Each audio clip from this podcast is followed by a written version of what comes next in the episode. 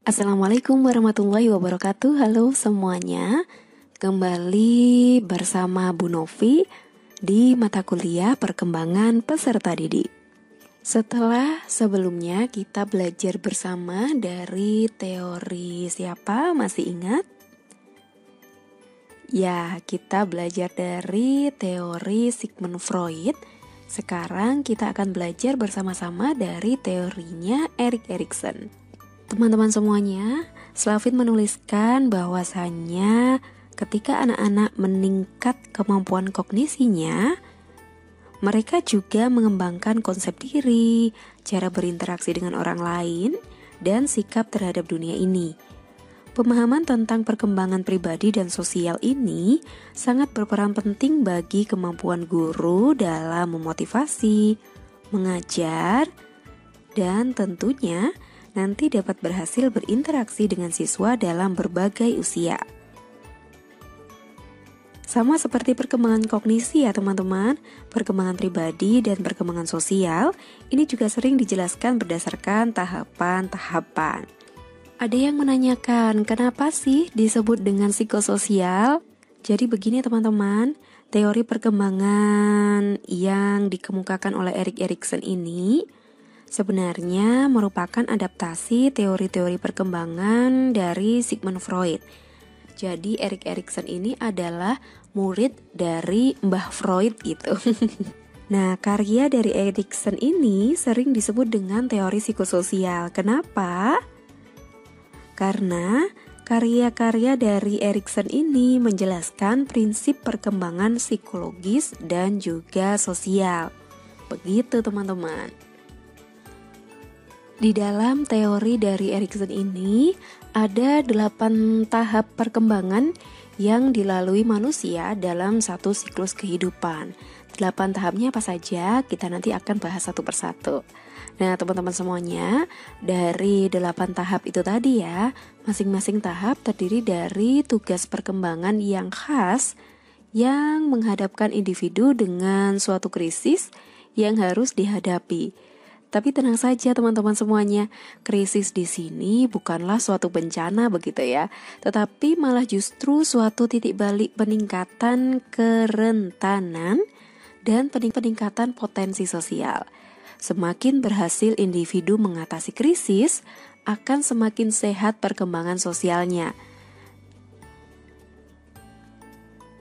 Teman-teman bisa lihat di dalam YouTube saya ada delapan tahap menurut Erik Erikson ya, dimulai dari saat manusia atau individu itu lahir hingga masa dewasa akhir.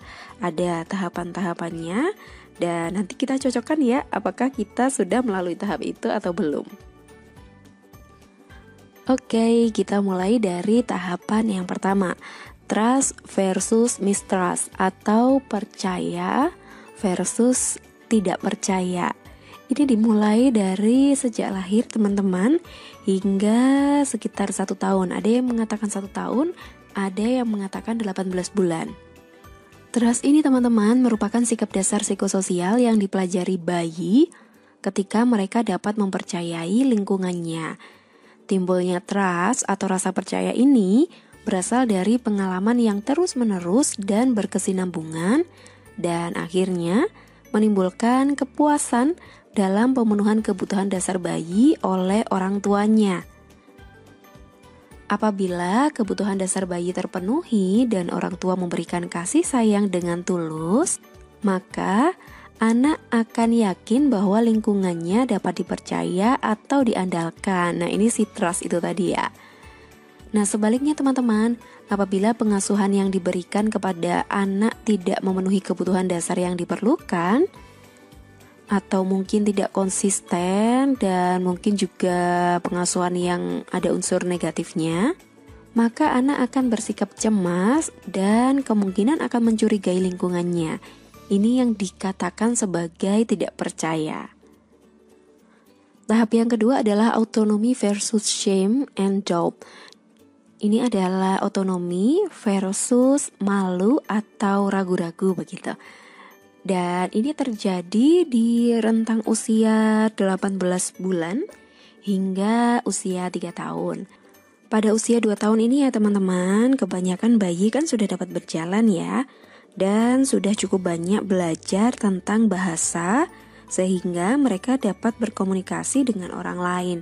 Meskipun bahasanya juga bahasa yang cukup sederhana ya dan sangat sederhana bah. Anak-anak usia satu setengah atau dua tahun ini sering ada julukannya terrible two begitu. Jadi dua tahun yang mengerikan.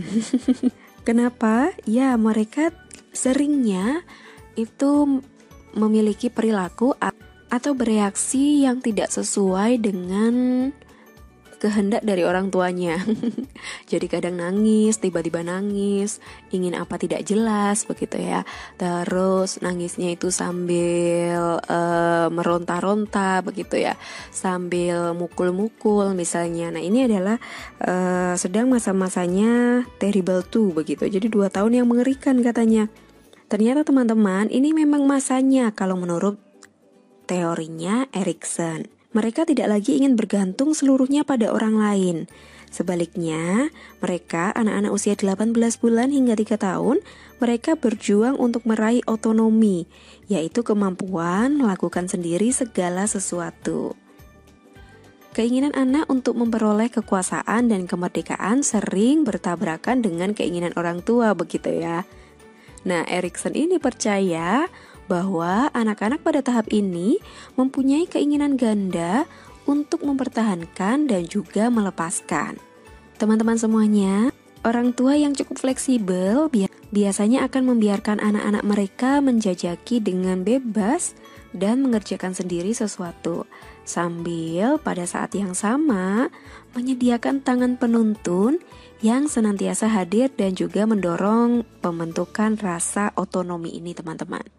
Jadi anak usia mulai satu setengah tahun sampai dengan tiga tahun mereka ingin semuanya sendiri begitu kan? Pengen pakai baju sendiri, pakai sepatu sendiri, pakai apa pun sendiri begitu. Karena ya dia merasa otonomi itu tadi ya. Nah kalau anak-anak sudah mulai pengen sendiri begitu ya, otonomi dia sendiri, semuanya pengen dilakukan sendiri.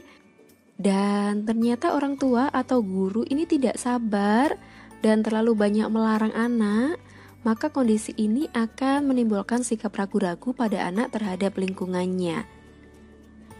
Selain itu, teman-teman, anak juga akan mulai lahir rasa malu dan juga ragu terhadap diri sendiri.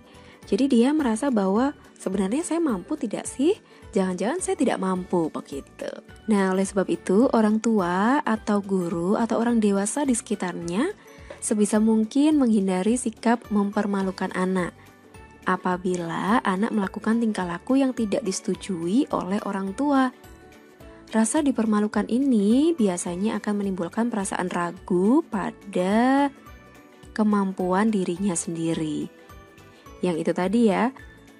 Nah, setelah itu anak-anak akan masuk ke tahap inisiatif versus rasa bersalah yakni usia 4 sampai 5 tahun, ada yang mengatakan juga usia 3 sampai 6 tahun. Jadi ini usianya PAUD sampai TK begitu ya teman-teman perkiraan. Teman-teman semuanya pada tahap yang ketiga Anak-anak yang memiliki kemandirian akan memiliki kemampuan berpartisipasi dalam berbagai kegiatan fisik atau mental. Dan mereka mampu mengambil inisiatif untuk suatu tindakan yang akan dilakukan pada usia 4 sampai dengan 5 tahun atau sampai dengan 6 tahun tadi. Nah, sikap inisiatif akan berkembang baik jika usia 4-5 tahun atau 3-6 tahun ini diberikan kebebasan untuk menjelajahi dan bereksperimen dalam lingkungannya. Orang tua dan guru yang bijaksana akan memberikan waktu untuk anak mempertanyakan hal-hal yang belum dipahami dan menjawab pertanyaan anak. Kondisi ini akan mendorong anak lebih berani mengambil inisiatif dalam menghadapi masalah yang ada di sekitarnya.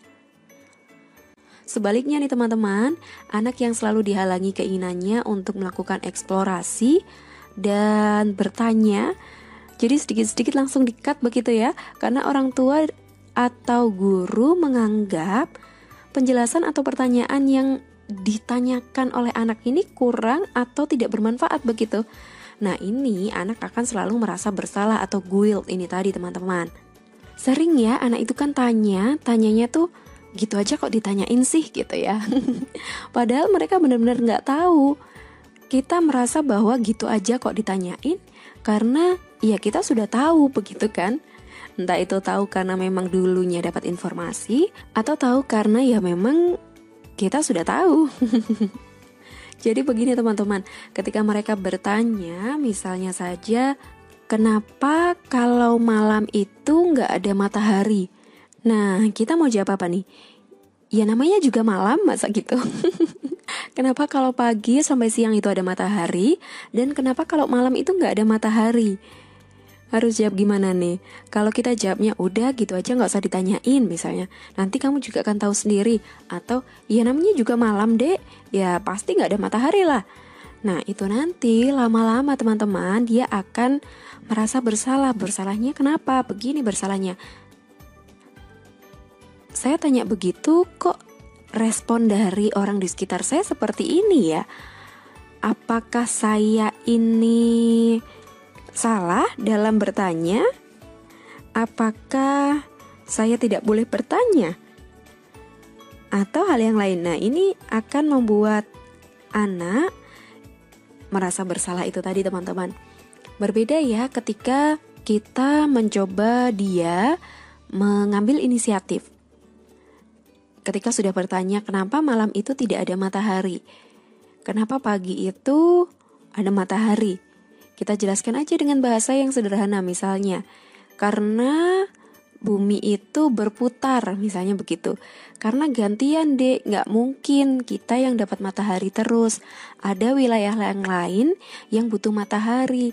Dan Allah menciptakan karena kita muslim ya, jadi kita sesuaikan dengan value-value yang ada di keluarga kita. Dan Allah menciptakan pagi dan juga malam. Kenapa? Malam itu untuk istirahat. Anggota tubuh kita itu butuh istirahat yang tidak kena sinar matahari. Selesai. Mungkin dia akan bertanya lagi, "Kenapa begitu? Kenapa? Kenapa? Kenapa? Kenapa?"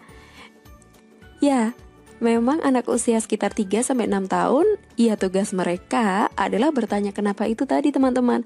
Dan tugas kita menjawab dari pertanyaan mereka sesuai dengan tingkat kognisi mereka.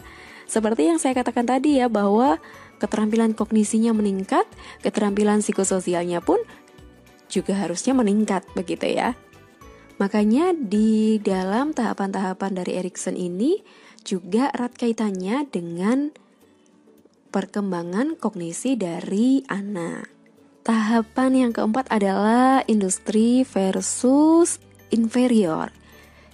Di usia 6 sampai 11 atau 12 tahun. Jadi masa SD begitu ya, teman-teman. Nah, kalau di tahap sebelumnya tentang inisiatif itu tadi, anak-anak yang penuh inisiatif ketika mereka memasuki sekolah dasar akan mengarahkan energinya pada penguasaan pengetahuan dan juga keterampilan intelektual. Mereka tertarik pada bagaimana sesuatu diciptakan dan bagaimana sesuatu bekerja. Mereka akan menghasilkan penemuan-penemuan baru sesuai dengan kemampuannya. Orang tua atau guru yang bijaksana akan memberikan antusiasme pada ketertarikan anak atau siswa terhadap kegiatan-kegiatan produktif untuk mendorong perkembangan ketekunan pada anak atau siswa. Teman-teman semuanya, di tahap yang keempat ini, dengan si anak atau individu ini masuk sekolah, maka dunia sosial anak akan mengalami perluasan yang sangat besar. Guru dan juga teman sebaya yang ada di sekolah maupun lingkungan sekitar memiliki peran yang makin penting bagi anak. Sedangkan pengaruh orang tua ini semakin berkurang, teman-teman. Pada tahap ini, anak-anak mulai berimajinasi dalam menemukan dan menciptakan sesuatu dan juga mengkoordinasikan imajinasinya ke dalam ide atau produk yang dihasilkannya.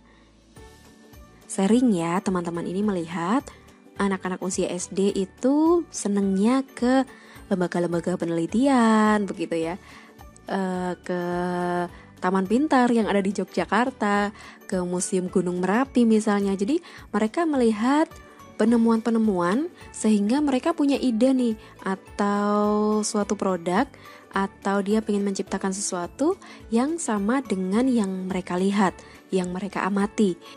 Ketika mereka sudah mengamati, biasanya mereka pengen nyoba gitu kan, atau mereka pengen terlibat di dalam percobaan-percobaan tersebut.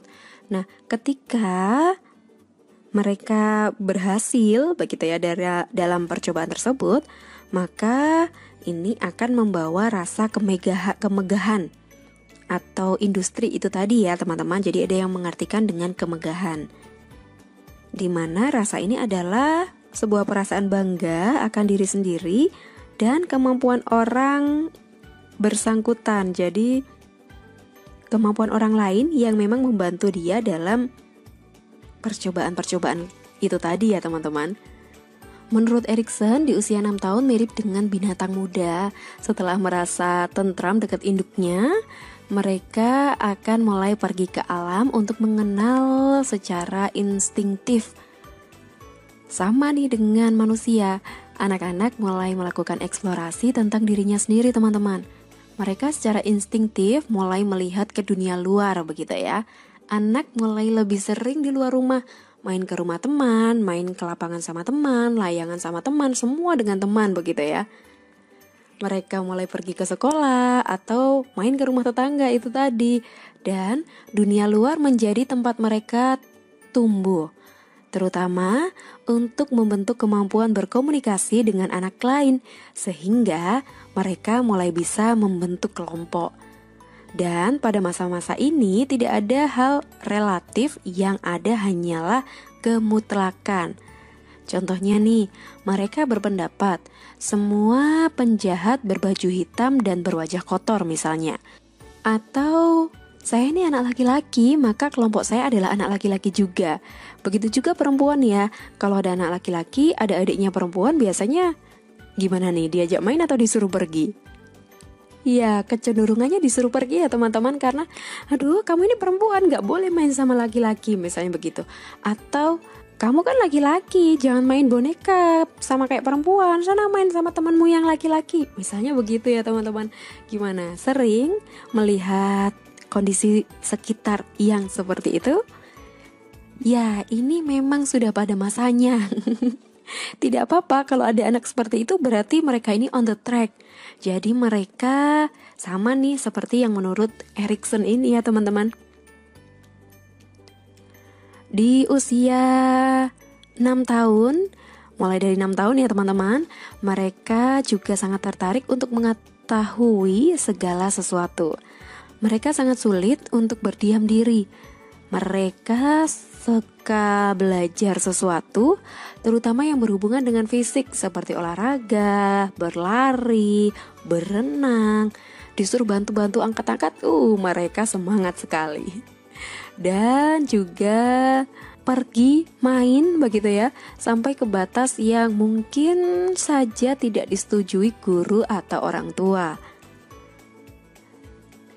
Teman-teman semuanya, anak-anak yang melewati fase ini dengan baik akan memperoleh ataupun juga mendapatkan keyakinan bahwa mereka mampu menguasai masalah yang mereka hadapi.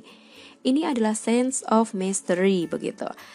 Dan sikap produktif hanya akan dimiliki anak jika orang-orang dewasa yang mereka hormati seperti orang tua atau guru ini mendukung kegiatannya dan keinginannya untuk mengerti dan juga menguasai lingkungan mereka. Anak-anak akan menjadi inferior jika orang tua tidak mau repot dan cenderung melarang anak melakukan berbagai aktivitas yang bermanfaat bagi anak. Sikap orang tua dan guru yang tidak peduli terhadap keinginan anak untuk menciptakan sebuah penemuan baru ini dapat menyebabkan anak merasa rendah diri dan bersalah atau inferiority. Lanjut di tahap yang kelima adalah ego identity dan juga role confusion. Identitas diri versus kekacauan peran begitu. Ini mulai usia 12 tahun hingga 18 atau 20 tahun begitu ya. Jadi pada saat usia remaja. Di tahap ini teman-teman, remaja atau seseorang ini dihadapkan pada pertanyaan yang berkaitan dengan identitas kediriannya atau ego identity itu tadi ya. Jadi sering sekali nih muncul pertanyaan, sebenarnya siapa sih saya? Bagaimana masa depan saya? Ke mana tujuan saya? Atau pertanyaan-pertanyaan yang lain yang memang sering sekali ada di benak para remaja. Begitu nggak sih? Ini saya lagi ngomong sama para remaja juga nih.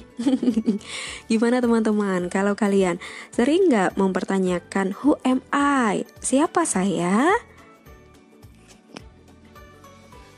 Pertanyaan ini sebenarnya menjadi penting ya selama masa remaja karena ya memang pada masanya begitu. Dan untuk menjawab pertanyaan who am I, siapa saya? Remaja memiliki kecenderungan makin menjauh dari orang tua dan makin mendekat dengan kelompok-kelompok sebayanya. Erikson percaya bahwa selama masa remaja, fisiologi orang yang berubah pesat ditambah dengan tekanan untuk mengambil keputusan tentang pendidikan dan karir masa depan mengakibatkan perlu mempertanyakan dan juga mendefinisikan kembali identitas psikososial yang sudah terbentuk selama tahap-tahap sebelumnya. Anak-anak belasan tahun mulai bereksperimen dengan berbagai peran seksual, mulai dari dia mencoba peran laki-laki, mungkin kalau dia perempuan begitu ya, atau sebaliknya, dan juga mulai mencoba beberapa pekerjaan dan tentunya juga pendidikan begitu ya. Karena mereka mencoba mengetahui siapa diri mereka dan mereka dapat menjadi orang yang seperti apa. Karena sudah banyak pertanyaan dari seorang remaja, teman-teman, sudah seharusnya lingkungan ditata sebaik-baiknya agar memberikan efek positif terhadap perkembangan inteligensi dari anak. Lingkungan yang baik adalah lingkungan yang memungkinkan terjadinya proses penggabungan informasi baru dalam pengetahuan yang ada menuju perkembangan kognitif yang sempurna. Kembali lagi ya, masih ada dan juga erat kaitannya dengan perkembangan kognitif begitu. Tidak hanya lingkungan nih teman-teman, sekolah juga sebagai tempat pelatihan-pelatihan intelektual begitu ya. Jadi tempat mereka menuntut ilmu itu juga seharusnya dirancang untuk melatih remaja secara intelektual dan moral. Sehingga dia tertarik untuk mengembangkan teori perkembangan psikososialnya teman-teman ya. Jadi pertanyaan who am I itu tadi terjawab ya mungkin sempurna, bisa jadi dengan bisa jadi juga mendekati sempurna begitu ya. Selain lingkungan rumah dan juga sekolah, faktor penting lainnya yang juga ikut menentukan identitas diri dari seseorang adalah hadirnya role model di dalam masyarakat di mana kita hidup. Role model ini bebas ya, bisa jadi orang tua, bisa jadi guru, dan tentunya mungkin artis-artis begitu ya. Nah, maka di sinilah peran dari orang tua ataupun lingkungan sekitar untuk bisa memfilter role model atau orang-orang yang bisa kemungkinan besar dijadikan role model bagi si anak. Teman-teman semuanya, kalau kalian sudah berhasil memperoleh identitas diri yang sehat, ini akan mencapai suatu keadaan yang dinamai fidelity oleh si Erikson. Fidelity ini merupakan suatu kelegaan begitu ya, karena seseorang telah mengenal siapa dirinya, tempatnya dalam masyarakat, dan kontribusi apa yang dapat disumbangkannya untuk masyarakat. Sebaliknya nih, orang-orang yang gagal memiliki identitas diri ini cenderung akan gelisah karena belum memiliki kejelasan terhadap identitas dirinya begitu ya. Mereka bisa menjadi pengembara atau drifter terkait dengan identitas diri mereka. Mereka terus mencari nih identitas dirinya seperti apa. Mereka mungkin juga akan hidup sendiri, bahkan ketika ada di tengah masyarakat, karena mereka belum tahu identitas diri mereka. Apakah mungkin Bu Novi, seseorang sampai usia lebih dari 20 tahun belum menemukan identitas dirinya? Sangat mungkin. Nah, ketika satu tahap perkembangan ini terhambat atau terlambat, nanti juga akan mempengaruhi perkembangan-perkembangan yang lainnya. Jadi perkembangan yang ke-6, 7 dan juga 8 nantinya pun juga tidak akan optimal. Nah, kalau teman-teman sekarang merasa bahwa perkembangan yang kelima ini belum optimal, yuk teman-teman bisa mengejar ketertinggalan sehingga di tahap 6, 7, dan 8 teman-teman juga tidak semakin tertinggal. Di tahap ke-6 ini ada tahapan intimacy versus isolation. Jadi ini tentang keintiman atau bisa juga dikatakan sebagai keakraban dan kerukunan begitu ya teman-teman versus pengasingan isolasi teman-teman semuanya orang-orang atau individu yang sebelumnya ya tadi ya pada masa remaja yang telah memiliki identitas diri ini akan memasuki fase keintiman atau keakraban hubungan dengan orang lain. Erikson menggambarkan keakraban sebagai penemuan diri sendiri tanpa kehilangan diri sendiri pada orang lain.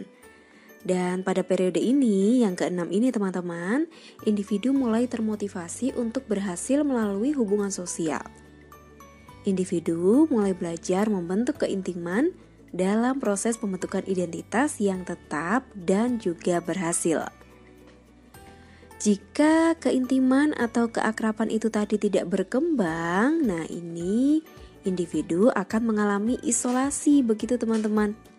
Ketidakmampuan melakukan hubungan sosial ini menyebabkan individu mengalami frustasi dan juga introspeksi diri untuk menemukan kesalahan-kesalahannya. Introspeksi diri ini bisa mengakibatkan depresi sehingga menghambat keinginan untuk bertindak atas inisiatifnya sendiri orang tua atau guru atau orang yang lebih dewasa, lebih berumur begitu ya di atasnya, ini memiliki implikasi penting pada kematangan individu ini. Jadi terkait dengan kemandirian dan juga kebebasan.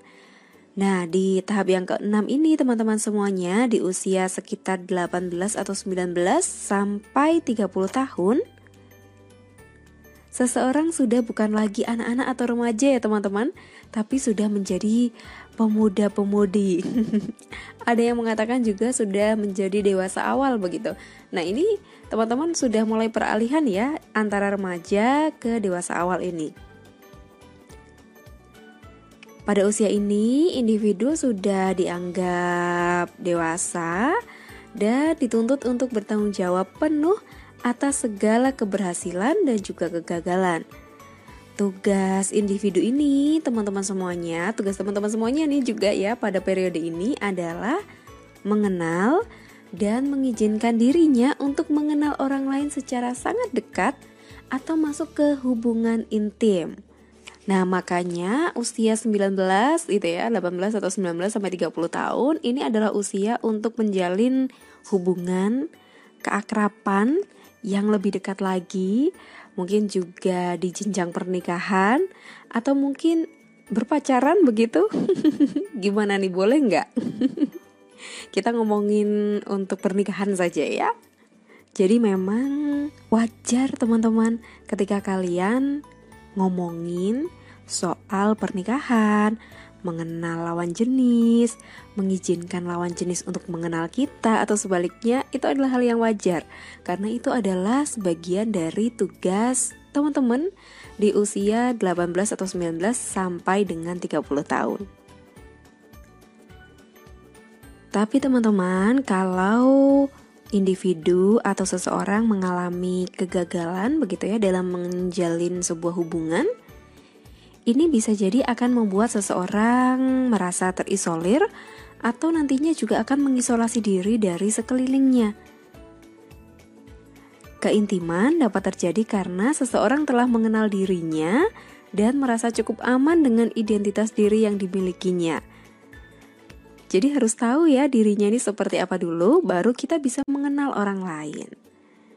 Nah, teman-teman semuanya, akibat dari rasa aman ini, akhirnya itu tadi kita atau teman-teman semuanya sebagai individu di usia 18 atau 19 tahun sampai dengan 30 tahun ini mulai mengizinkan orang lain untuk berbagi dengan kita semuanya dan mulai mengenal kelebihan dan kekurangan. Teman-teman semuanya, orang dewasa muda yang kurang mampu menjalin keintiman atau hubungan keakraban ini tadi ya, kalau kita lihat dalam konteks pernikahan, kemungkinan akan terlibat dalam perceraian. Seorang dewasa muda yang tidak berhasil melalui periode ini dengan baik, ini akan mengalami rasa keterasingan yang sering kali dibarengi dengan amarah dan mungkin juga sinis terhadap orang lain. Orang-orang yang dibesarkan oleh orang tua-tua yang sangat dominan ini juga cenderung menjadi orang-orang terasing setelah orang tua mereka meninggal. Karena itu tadi ya teman-teman, ada unsur dominan dari orang tua dan ketika yang dominan ini tiba-tiba hilang ya pasti jelas kita sebagai individu mulai oleng gitu ya. Kapalnya sudah mulai oleng kapten. Jadi sudah mulai kita mengasingkan diri atau kita yang malah merasa terasing begitu. Nah, menurut Erikson, teman-teman, kemampuan atau kekuatan menjalin hubungan intim atau keakraban ini dengan orang lain ini harus didasari dengan rasa cinta Cinta lebih pada kesediaan untuk menyadari adanya perbedaan dan menerima perbedaan itu ya teman-teman. Dan tentunya juga lewat usaha untuk terus menjalin keintiman, menjalin keakraban, menjalin kedekatan dengan pihak lain baik sebagai pasangan kekasih begitu atau lebih tepatnya suami istri ya teman-teman atau persahabatan Tahap yang ketujuh adalah generativity versus stagnation. Atau ada yang mengatakan ini sebagai perluasan versus stagnasi. Dan ini rentangannya adalah usia 30 sampai 50 tahun.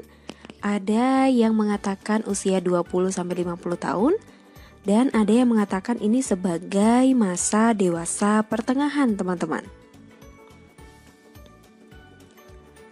Setelah sebelumnya ya di tahap yang keenam, ketika orang-orang atau individu berhasil menjalin hubungan intim, hubungan keakraban, nah ini akan berpartisipasi terhadap kelangsungan hidup generasi selanjutnya. Orang-orang yang tidak mampu menjalin hubungan intim dengan orang lain pada usia sebelumnya, ini akan mengalami kemandekan atau stagnasi teman-teman dan tidak melakukan apa-apa untuk generasi berikutnya. Orang-orang yang generatif ini akan mampu memberikan asuhan, bimbingan pada anak-anak mereka. Mereka akan mempelajari keahlian, mengembangkan warisan diri yang positif, dan tentunya juga membimbing orang lebih muda. Generativity atau perluasan ini adalah rasa peduli orang yang lebih dewasa begitu ya karena rasa kasih telah mengalir ke kelompok lain terutama pada generasi selanjutnya Generativity ini adalah sifat memberi kasih tanpa mengharapkan balasan timbal balik. Ini cocok sekali ya untuk guru begitu ya jadi pahlawan tanpa tanda jasa. Atau orang tua ya teman-teman. Jadi kasih sayang orang tua kepada anak-anaknya. Mungkin bisa juga sahabatnya begitu ya. Sahabat satu dengan sahabat yang lainnya. Kalau di Islam siapa teman-teman? Ada yang ingat nggak ya? Hmm, kalau saya sih mengingatnya seperti Abu Bakar As-Siddiq yang mencintai Allah dan juga Rasulullah Muhammad SAW. Kita tahu ya bahwa Abu Bakar As-Siddiq memberikan seluruh hartanya untuk memperjuangkan agama Islam. Nah, seperti ini teman-teman. Teman-teman semuanya, banyak psikolog melakukan riset mengapa orang melakukan karya altruistik atau berderma ini ya atau menolong sesama yang sering kali secara kasat mata tidak menghasilkan apa pun bagi mereka ya kecuali kalau kita lihat kerugian materi, waktu dan juga tenaga. Tetapi mereka akan menjawab dengan cara yang berbeda dari apa yang mereka dapatkan dari perbuatan tersebut. Ada yang mengatakan merasa senang telah memberi, ada juga yang mengatakan mereka merasa terpanggil begitu untuk melakukannya. Ada juga yang menyatakan merasa nyaman setelah melakukannya. Dan sampai saat ini teman-teman semuanya memang peneliti-peneliti psikologi ini belum menemukan jawaban yang pasti dan diterima untuk semua orang terkait dengan why gitu ya, mengapa orang melakukan atau orang mau menolong sesama padahal ya itu akan merugikan dari segi materi, waktu dan tenaga begitu ya. Tetapi kalau kita melihat dari pandangan agama Islam, jelas ya banyak sekali manfaat yang kita dapatkan dari menolong orang lain. Begitu kan teman-teman ya. Nah, Erikson sendiri teman-teman berpendapat bahwa seseorang melakukan hal yang altruistik ini bukan karena dia menginginkan balasan tapi ini karena pertumbuhan psikologisnya menimbulkan kasih sayang pada sesama. Seseorang mungkin melakukan hal-hal yang altruistik karena dia mengharapkan dunia yang lebih baik di masa depan yang akan menjadi masa depan anak-anak nantinya.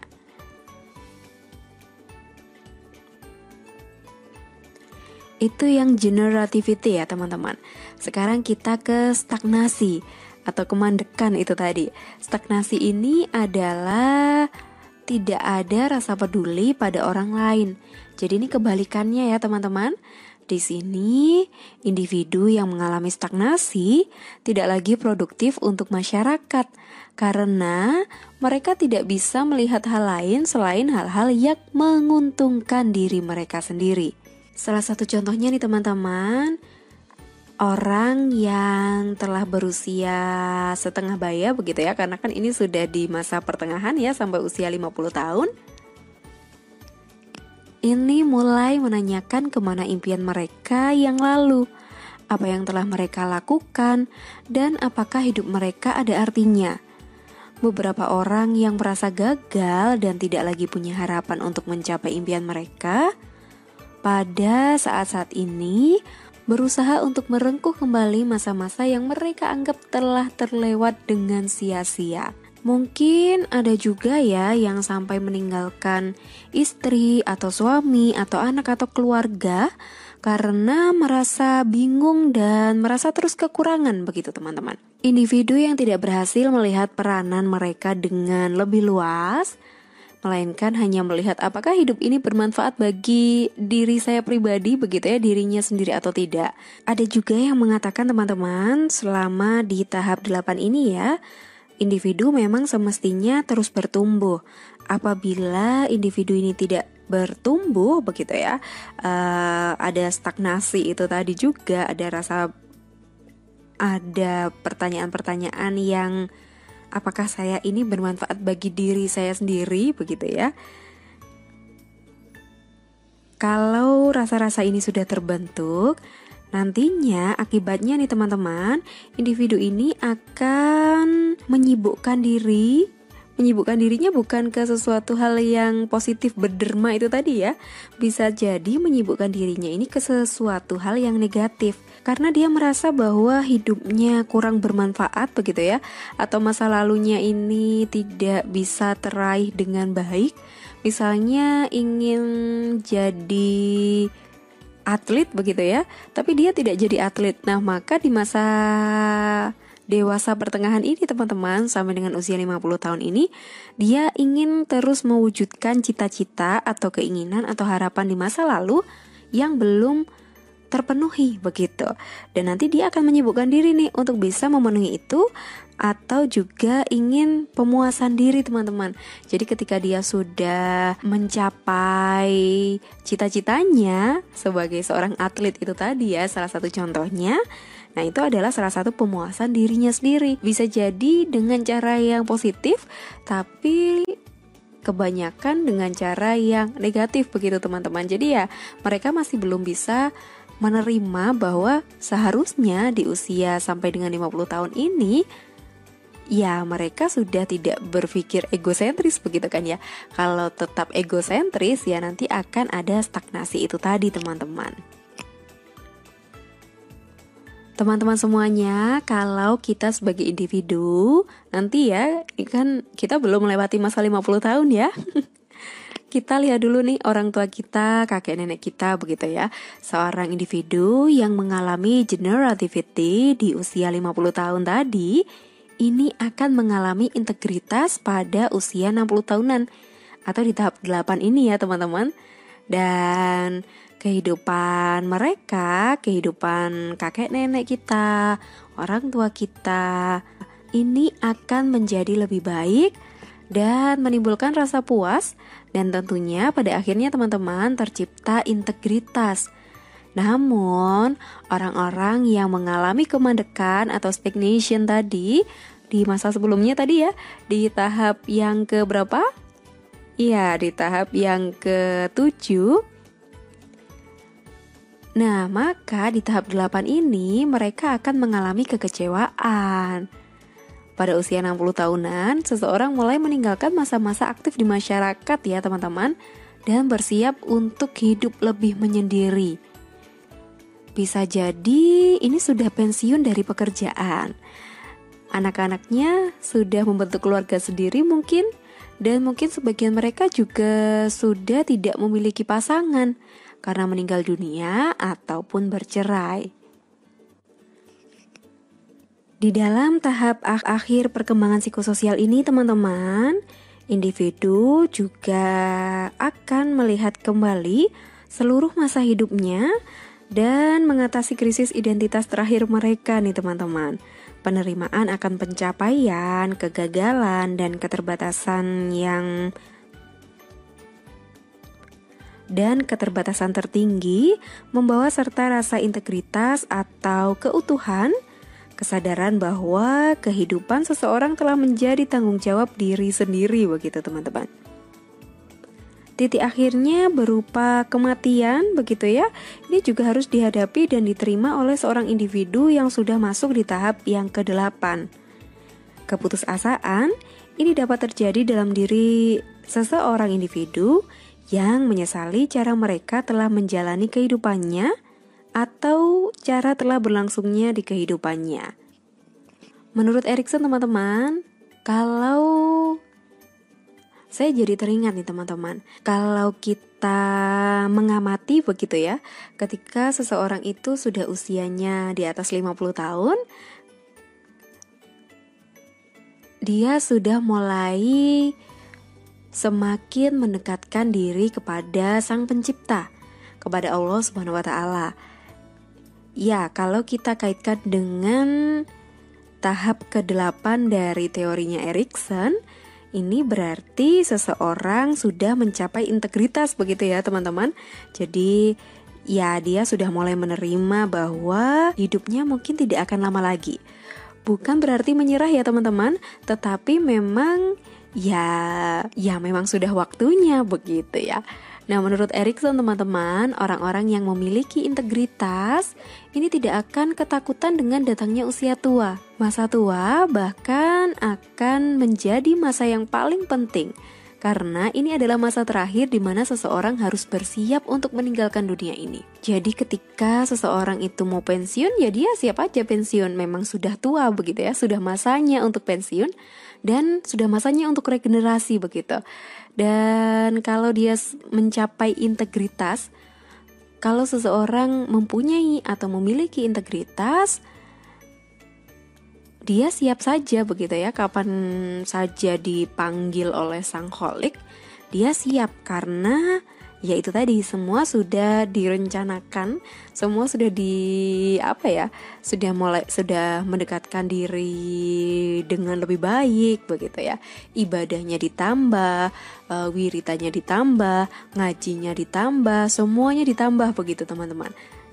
Ini menjadi salah satu contoh bahwa seseorang ini sudah siap untuk meninggalkan dunia ini begitu Integritas diri ini adalah suatu rasa harga diri untuk tidak takut mati karena telah melalui hidup dengan baik. Tua bahkan menjadi sesuatu yang indah ketika seseorang memiliki integritas diri yang tinggi, teman-teman. Lawan dari rasa integritas diri ini adalah rasa putus asa, teman-teman. Orang-orang yang putus asa pada usia lanjut ini ditandai dengan meluapnya rasa jijik begitu ya pada diri mereka sendiri. Mungkin juga ada beberapa yang menyesal terhadap kegagalan-kegagalannya di masa lalu atau sampai saat ini. Bahkan kadang-kadang mereka menyanyiakan hidup. Mereka selalu penuh amarah, marah kepada diri sendiri, orang lain, bahkan mungkin dengan sang penciptanya begitu teman-teman. Jadi merasa tidak terima begitu ya kenapa hidupnya seperti ini, kenapa misalnya kok tidak kaya begitu ya, kenapa anak saya kok tidak kaya misalnya begitu, atau pokoknya atau hal-hal yang lain atau bisa jadi nih teman-teman kalau sudah mendekati masa pensiun begitu ya. Nah, ini kalau integritas dirinya tinggi, dia akan oke, okay, dia akan menerima. Tetapi kalau integritasnya rendah, dia putus asa, dia pasti akan menyalah-nyalahkan ini tadi. Kok saya sudah pensiun sih? Saya sudah dapat apa? Padahal saya celengannya belum banyak nih. Saya belum naik haji nih. Gimana mau naik haji? Saya nggak punya penghasilan setelah ini gitu ya. Jadi eh, pemikiran-pemikiran uh, itu yang terus menghantui pada individu. Sebagian besar dari individu merasa putus asa dan memandang hidup dengan negatif begitu teman-teman. Rasa putus asanya ini disebabkan memang masa usia lanjut yang membuatnya sengsara secara emosional. Fisik yang semakin melemah ini membuatnya makin tergantung pada orang lain, baik secara materi maupun non-materi. Bagi wanita, ini melihat datangnya menopause sebagai masa pintu gerbang menuju masa tua yang dipenuhi oleh penyakit-penyakit. Bisa jadi kanker, payudara, kanker rahim, osteoporosis, begitu ya, dan juga penyakit-penyakit lainnya. Bagi laki-laki, ketidakmampuan mencari uang menyebabkannya kehilangan rasa hormat dari orang-orang di sekitarnya. Padahal keinginan untuk dihormati ini semakin besar dan menggebu-gebu teman-teman. Kondisi paling berat yang dihadapi Manula adalah kesepian, kenangan, dan juga penyesalan. Mayoritas orang tua yang stagnan begitu ya kalau di tahap yang sebelumnya ini akan menyesali masa lalunya. Masa di mana mereka seharusnya melakukan hal yang seharusnya atau yang baik begitu. Mereka menyesal telah melakukan hal-hal yang berdampak buruk seperti tidak menabung untuk hari tua tadi ya, tidak bekerja lebih giat, tidak berteman dengan si A, si B, si C, si D begitu, tidak lebih sayang pada anaknya, pada menantunya dan lain-lain. Jadi yang ada hanyalah penyesalan begitu. Dan kalau individu ini berhasil mengembangkan integritas diri, mungkin juga masih memiliki penyesalan teman-teman, tetapi mereka mampu berdamai dengan masa lalu. It's okay, saya saat ini penghasilannya atau saya, saya sudah tidak punya penghasilan atau tabungan hari tua saya tidak banyak. Tapi apa sih yang harus saya cari? Apa sih yang ingin saya cari lagi setelah ini? Mungkin pertanyaan-pertanyaan seperti itu yang akhirnya membuat calm down begitu ya teman-teman. Jadi sudah memaafkan, sudah berdamai dengan masa lalunya. Itu tadi teman-teman 8 tahap perkembangan yang ada dari Erikson. Semoga apa yang saya sampaikan bermanfaat buat teman-teman semuanya. Ambil yang positifnya saja, yang kurang bermanfaat tinggalkan. Terima kasih sudah menyimak dari awal hingga akhir kelas selanjutnya. Sampai berjumpa di kelas selanjutnya. Selamat melanjutkan aktivitas dan wassalamualaikum warahmatullahi wabarakatuh.